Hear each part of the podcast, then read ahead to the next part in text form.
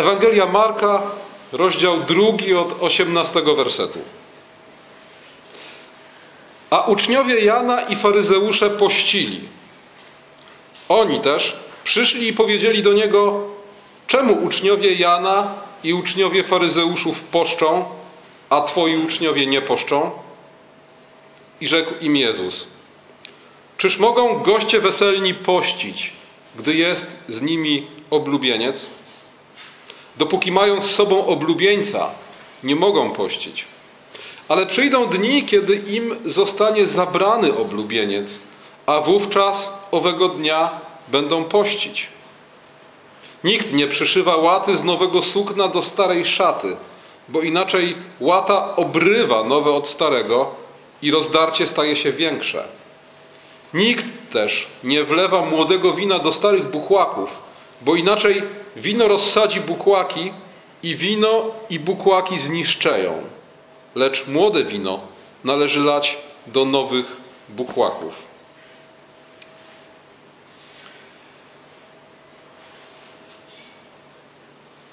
Drugi i trzeci rozdział Ewangelii Marka zawiera serię bardzo interesujących epizodów. Redaktorzy nowego wydania Biblii w języku polskim, tak zwanej Biblii ekumenicznej, całą tę sekcję zawierającą drugi i trzeci rozdział Ewangelii Marka zatytułowali kontrowersyjne epizody. I rzeczywiście, to jest seria kontrowersyjnych epizodów. Seria zdarzeń i wypowiedzi Jezusa budzących kontrowersje.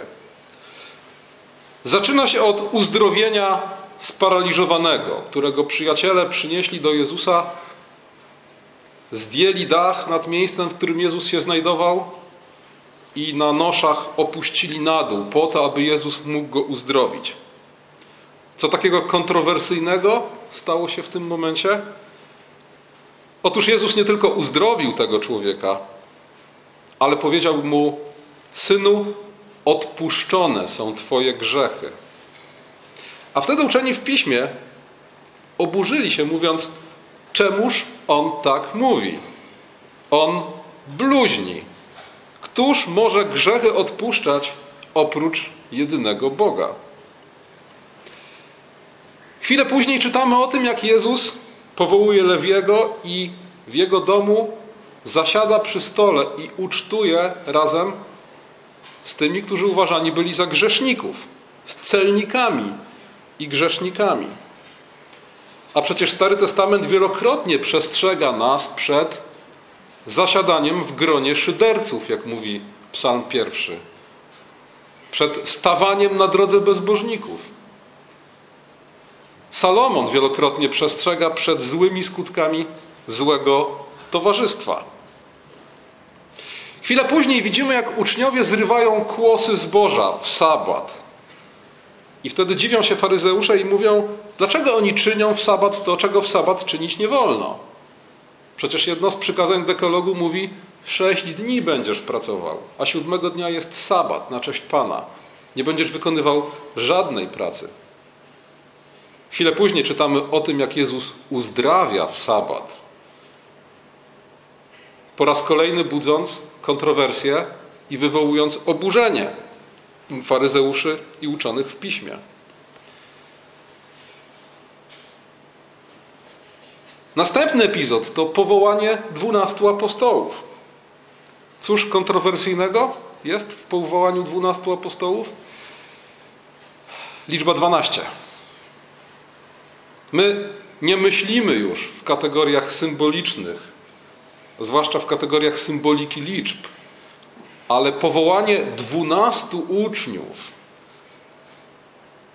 specjalnego grona, dwunastu, których w dodatku nazwał apostołami, a więc posłanymi, w oczywisty sposób dla Izraelity nawiązuje do dwunastu pokoleń Izraela i jest wyzwaniem. Czy ten człowiek przypadkiem nie próbuje ustanowić nowego Izraela z jego nowymi dwunastoma patriarchami? Wiemy, że dokładnie to Jezus uczynił, ponieważ Nowy Testament mówi o kościele, który jest zbudowany na fundamencie apostołów, a w Księdze Objawienia w 21 rozdziale czytamy o dwunastu kamieniach węgielnych Nowej Jerozolimy, na których wypisane jest dwanaście imion apostołów baranka. Przy tej okazji Jezus jeszcze jedną rzecz uczynił. Nadał nowe imię Szymonowi, który od tej pory nazywany był Piotrem. Kto może nadać nowe imię? Tylko Bóg.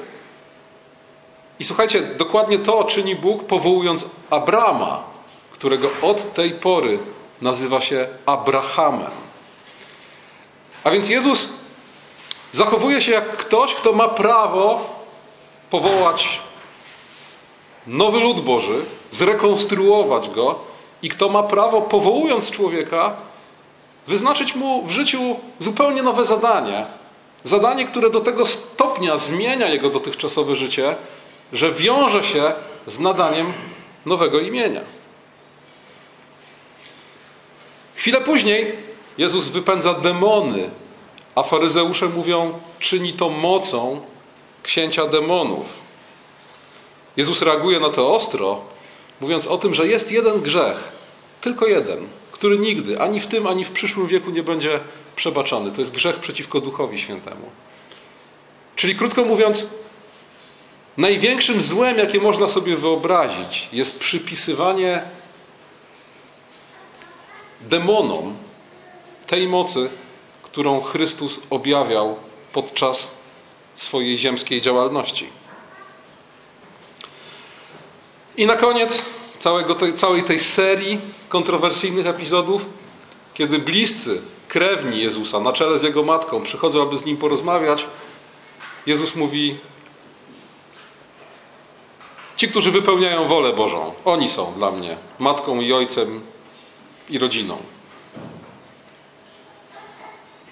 I w samym środku całej tej sekcji, w samym środku tej serii kontrowersyjnych epizodów znajdziemy fragment, który przeczytałem na początku.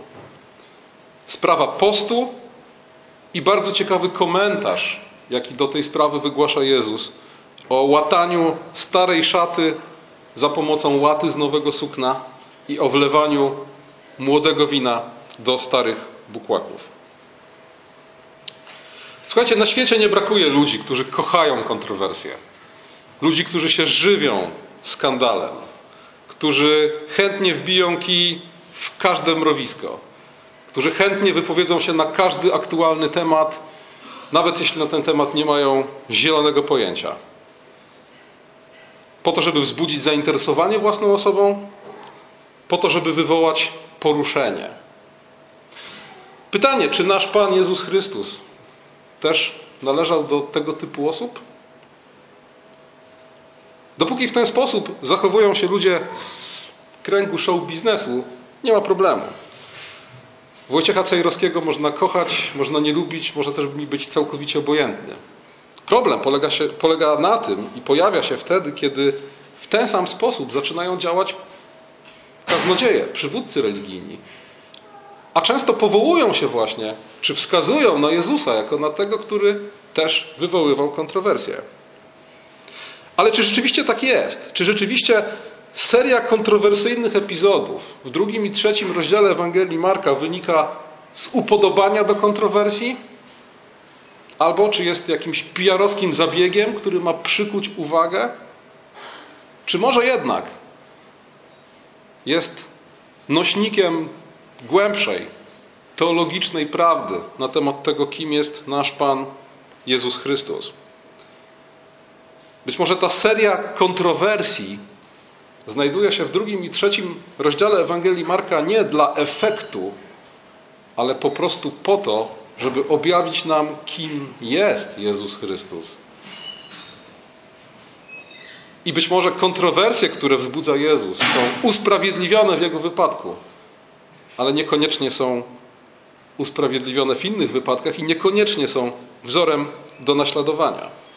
Jeżeli Jezus mówi: Synu, odpuszczone są grzechy Twoje, to w pewnym sensie Żydzi mają rację. To jest bluźnierstwo. To byłoby bluźnierstwo w ustach każdej innej osoby, oprócz Jezusa Chrystusa. A zatem nie chodzi tu o kontrowersję, chodzi o objawienie nam, że Jezus Chrystus ma władzę odpuszczać grzechy na ziemi. Władzę, której dotąd nie posiadał żaden człowiek. Jeżeli Jezus łamie sabat i mówi, że syn człowieczy jest panem sabatu, to znowu nie chodzi o kontrowersję. Chodzi o objawienie, o ukazanie światu tego, że oto na świecie pojawił się pan sabatu. Jeśli Jezus wyznacza dwunastu apostołów, a jednemu z nich zmienia imię, to właśnie po to, żeby zaznaczyć, że wszystko staje się nowe. A on ma prawo zaprowadzić zupełnie nowe porządki. Jeżeli wypędza demony i wygłasza bardzo ciekawe zdanie, mówiąc: Nie można wejść do domu mocarza i sprzętów jego ograbić, jeśli się go w pierwej nie zwiąże, no to objawia się jako ten, który związał szatana, z którego przyjściem związana jest radykalna zmiana stosunków panujących na ziemi. Radykalna zmiana pozycji szatana jako tego, który dotychczas działał nieskrępowany. Teraz został związany.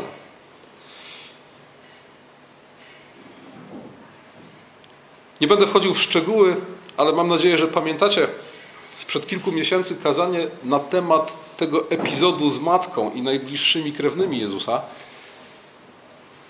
Ale znowu, nie chodzi o kontrowersję. Chodzi o to, żeby pokazać, że są więzy silniejsze i lojalność ważniejsza niż więzy krwi. Jak do tego wszystkiego ma się epizod z postem? Przychodzą faryzeusze i mówią: Uczniowie faryzeuszy poszczą, uczniowie Jana poszczą, dlaczego nie poszczą twoi uczniowie? W zasadzie Jezus mógł odpowiedzieć w bardzo prosty sposób. Nie wiem, czy wiecie, ale uczniowie, ale faryzeusze po, po, e, pościli dwa dni w tygodniu. We wtorki i w czwartki. Właśnie dlatego ojcowie Kościoła zalecali chrześcijanom, żeby pościli w środę i piątki. Żeby nie byli jak faryzeusze. Jezus mógł odpowiedzieć jednym zdaniem na zarzut, dlaczego uczniowie Twoi nie poszczą. Mógł powiedzieć, Mojżesz ustanowił jeden dzień postu w roku, dzień pojednania. I dopóki tego się trzymamy, nikt nie może nam czynić zarzutów. Ale zobaczcie, że Jezus zamiast takiego wygodnego uniku poszedł na konfrontację, na czołowe zderzenie z faryzeuszami. Zamiast schować się za autorytetem Mojżesza i powiedzieć: Wszystko jest w porządku przecież, odpowiada: Dlaczego mają pościć, skoro ja jestem pośród nich? Czyli krótko mówiąc, zadając to pytanie, chyba nie zdajecie sobie sprawy z tego, kim ja jestem. I umieszczenie tego dialogu w środku tej całej serii kontrowersyjnych epizodów pokazuje nam, jaki jest sens i cel wszystkich tych kontrowersji. Objawić, kim jest Jezus Chrystus. Postawić faryzeuszy przed tą dramatyczną z ich perspektywy prawdą. Kim ja jestem? Kim jest Jezus Chrystus? A zatem te kontrowersje, które wzbudza Jezus, nie wynikają z jego upodobań do kontrowersji. One są nieuniknionym zderzeniem prawdy o tym, kim jest Jezus Chrystus, z tym, w jaki sposób go postrzegano, z tym, co ludzie byli gotowi przyjąć i zaakceptować na jego temat. Jezus mówi: Ja jestem oblubieńcem. Nie mogą pościć goście weselni, dopóki oblubieniec jest z nimi. Cóż takiego kontrowersyjnego jest w stwierdzeniu ja jestem oblubieńcem? No to, to tak jakby Jezus powiedział ja jestem Bogiem. I to było oczywiste.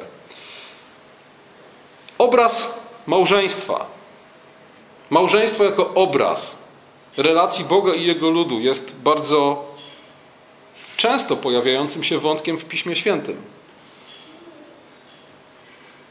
Nasz przyjaciel Sebastian Smolacz napisał doktorat na temat tego, jak ten obraz funkcjonuje w jednej tylko księdze biblijnej, czyli w księdze Izajasza. W księdze Ozeasza w drugim rozdziale czytamy o tym, że Bóg poślubił swój lud. Księdze Jeremiasza w drugim rozdziale, w drugim wersecie czytamy Idź i ogłoś to Jerozolimie. Tak mówi Pan. Pamiętam o Tobie, o Twojej młodzieńczej czułości, o narzeczeństwie pełnym miłości, gdy szłaś ze mną przez pustynię. A więc zobaczcie, wyprowadzenie Izraelu, Izraela z Egiptu, jego przymierze zawarte na pustyni, to wszystko jest obrazowane przez Jeremiasza w kategoriach narzeczeństwa i małżeństwa. Ale bardzo często znajdziemy w Piśmie Świętym fragmenty, które przypominają nam o tym, że Izrael okazał się małżonką niewierną. Niektóre w bardzo grubych słowach opisują niewierność i cudzołóstwo, jakiego Izrael dopuścił się wobec swego małżonka, jakim jest Bóg. I w tym kontekście czasy mesjańskie, czasy odnowy przedstawiane są jako odnowa tego małżeńskiego przymierza. Co ciekawe, przedstawiane są jako poślubienie czystej dziewicy. Bóg na nowo poślubi swój lud, lud, który już kiedyś był poślubiony, który okazał się nieczysty i niewierny, ale zobaczcie, miłość Boża usuwa tę nieczystość i niewierność do tego stopnia, że odnowienie przymierza, które ma nastąpić w czasach mesjańskich, przedstawiane jest w kategoriach poślubienia czystej dziewicy. Księga Izajasza, 62 rozdział, 5 werset. Jak młodzieniec poślubia pannę, tak poślubi cię twój odnowiciel. A, oblubień, a jak oblubieniec raduje się z oblubienicy, tak twój Bóg będzie radował się z ciebie. I kiedy przychodzi Chrystus w Ewangelii Jana w trzecim rozdziale, w 29 wersecie, widzimy, że Jan Chrzciciel rozpoznaje w nim oblubieńca. Mówiąc, ja nie jestem oblubieńcem. Ten, który ma oblubienicę, jest oblubieńcem. A ja, krótko mówiąc, patrzę z boku i cieszę się, widząc, jak oblubieniec idzie na spotkanie swojej oblubienicy. W piątym rozdziale listu do Efezjan apostoł Paweł też pokazuje małżeństwo jako obraz Chrystusa i Kościoła, a Księga Objawienia opisuje weselną ucztę baranka. A więc jak widzicie, wszystkie te kontrowersje, wszystkie te bardzo ciekawe epizody w swoim centralnym, w centralnym punkcie całej tej sekcji wskazują nam, po co to wszystko, jaki jest cel wszystkich tych zdarzeń i wypowiedzi Jezusa. Pokazać, kim jest Jezus. Pokazać, że On jest tym Panem, odkupicielem i odnowicielem, którego Izrael oczekuje. On jest Bogiem samym, który jako oblubieniec przychodzi, aby poślubić swoją oblubienicę, aby wszystko odnowić. Dokonać odnowy, która w kategoriach ludzkich jest absolutnie niemożliwa. Czyli sprawić, że niewierna małżonka, która wielokrotnie dopuszczała się najgorszego rodzaju cudzołóstwa, zostanie poślubiona jako czysta dziewica. A więc krótko mówiąc, Chrystus nie przychodzi po to, żeby poprawić kondycję Izraela. On przychodzi po to, aby go całkowicie odnowić, aby go stworzyć na nowo, aby powołać go do życia w postaci zupełnie nowej, pełnej chwały, znacznie pełniejszej chwały niż ta, którą znano dotychczas. Wraz z przyjściem Chrystusa wszystko się zmienia. Diabeł jest związany, a na naszych oczach rodzi się nowy Izrael. On przychodzi jako Pan Sabatu, on ma prawo wybaczać grzechy, nadawać nowe imię i oczekiwać, że będziemy wobec Niego lojalni bardziej niż wobec najbliższych krewnych. On przychodzi, aby szukać i znaleźć to, co zginęło. On jest prawdziwym oblubieńcem i on wszystko czyni nowe. To pokazuje nam, że Chrystus nie jest dodatkiem do starego świata i starego systemu religijnego. Nie jest reformatorem judaizmu. Zobaczcie, że konfrontacji z Chrystusem nie wytrzymały, nie przetrwały stare formy świątynno-synagogalnego systemu. Tego systemu, który przez wieki był, spełniał swoją dobrą rolę. Był ramą dla wiary Bożego ludu. Oczywiście ta rama się wypaczyła, ta rama się dość mocno zdegenerowała, ale Jezus nie przyszedł po to, aby ją wyprostować, nie przyszedł po to, żeby ją naprawić, nie przyszedł po to, żeby wlać nowe wino do starych bukłaków albo naszyć nową łatę na stary płaszcz. Przyszedł, aby wszystko stało się nowe. I w tym kontekście pojawia się pytanie, kim dla nas jest Jezus Chrystus? Skoro dla świata jest tym, który wszystko czyni nowe, to kim jest dla nas? W drugim liście do Koryntian, w piątym rozdziale, 17 wersecie czytamy, że jeśli ktoś jest w Chrystusie, nowym jest stworzeniem. Stare przeminęło, a oto wszystko stało się nowe. To oznacza, że dla mnie, podobnie jak dla całego świata, Jezus jest kimś, kto przychodzi i stwarza wszystko na nowo. Największy błąd, jaki mogę popełnić, to potraktować Jezusa jako kogoś, kto przychodzi podnieść mój komfort i jakość życia. Kogoś, kto przychodzi mi pomóc w moim dotychczasowym sposobie funkcjonowania. Najgorszy błąd, jaki mogę popełnić, to potraktować Jezusa jak nauczyciela i reformatora, jak autorytet i wzór, a nie jak tego, który wszystko czyni na nowo i który musi stać się punktem odniesienia dla wszystkiego, kim jestem i co robię.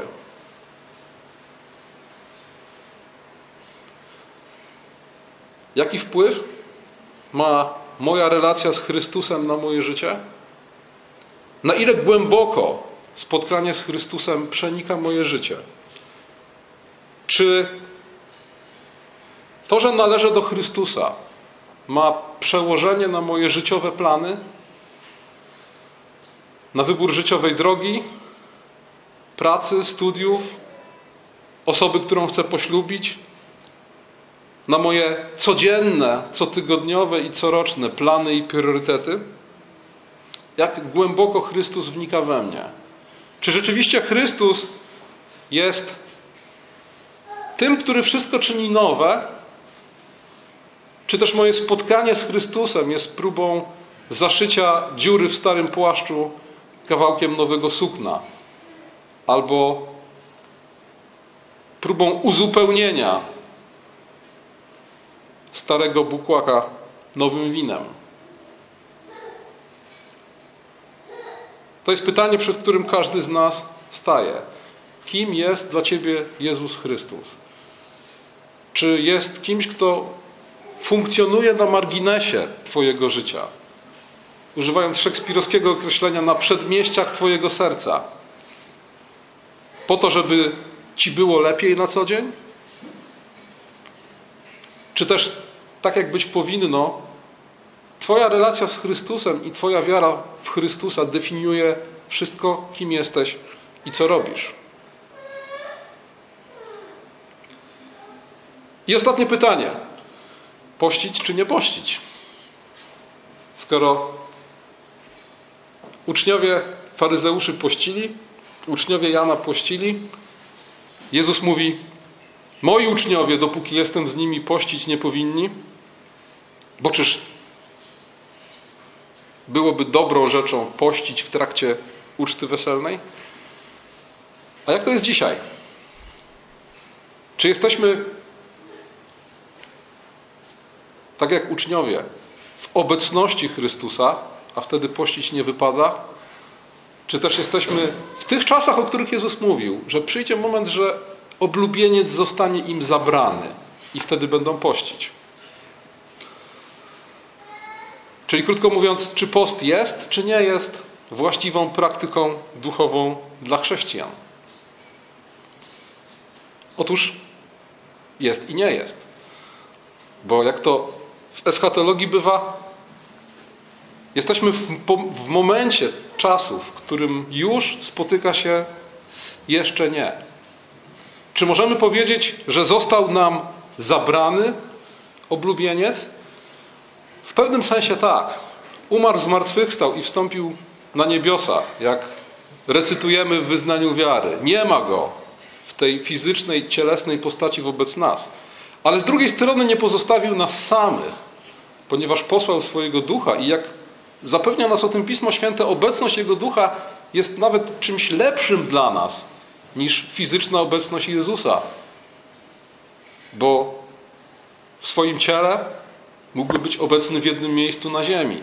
W swoim duchu obecny jest w sercu każdego z nas i w każdym zgromadzeniu, w którym zwiastowane jest Słowo Boże i sprawowane sakramenty.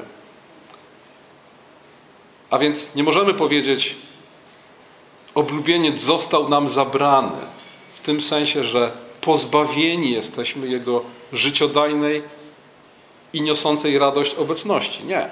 On jest pośród nas w swoim duchu, w słowie i sakramentach, w braterskiej społeczności chrześcijańskiej wspólnoty.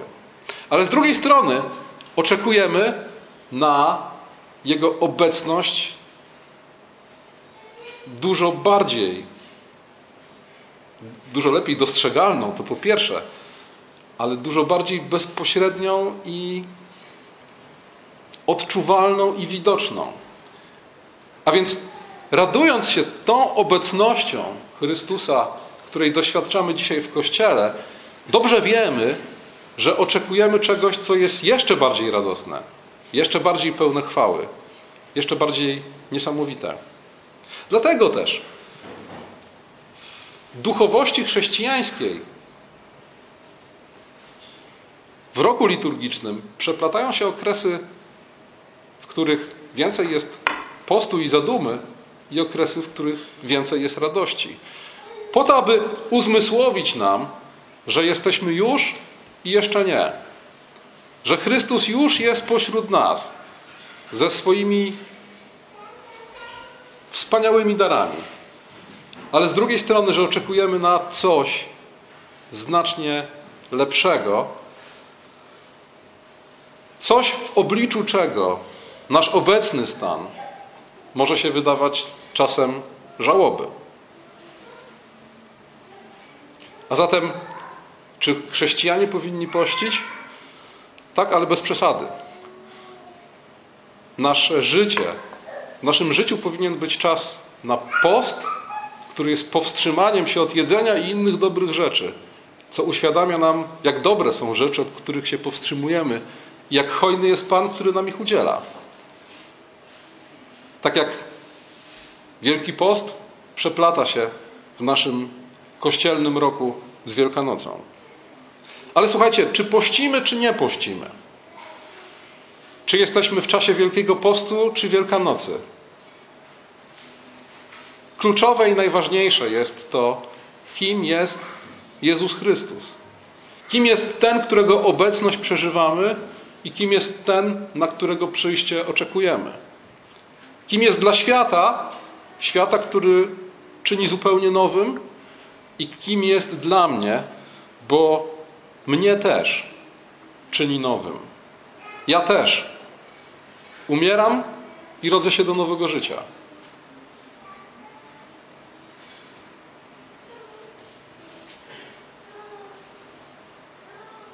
Nigdy nie próbuj postawić Jezusa na marginesie swojego życia. Bo on się do tego najzwyczajniej w świecie nie nadaje. On tej pozycji najzwyczajniej w świecie nie zaakceptuje, tak jak nie zaakceptowałby pozycji kolejnego żydowskiego autorytetu, kolejnego rabina na miarę Szamaja czy Hillela.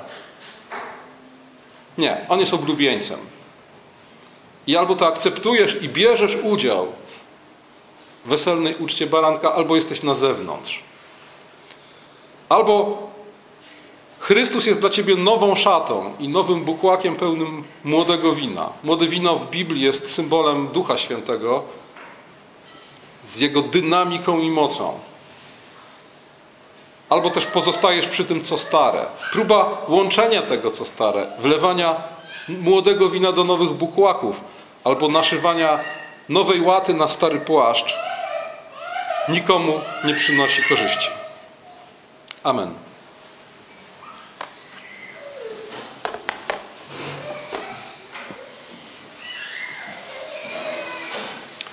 Powstańcie proszę, zbierzemy nasze ofiary.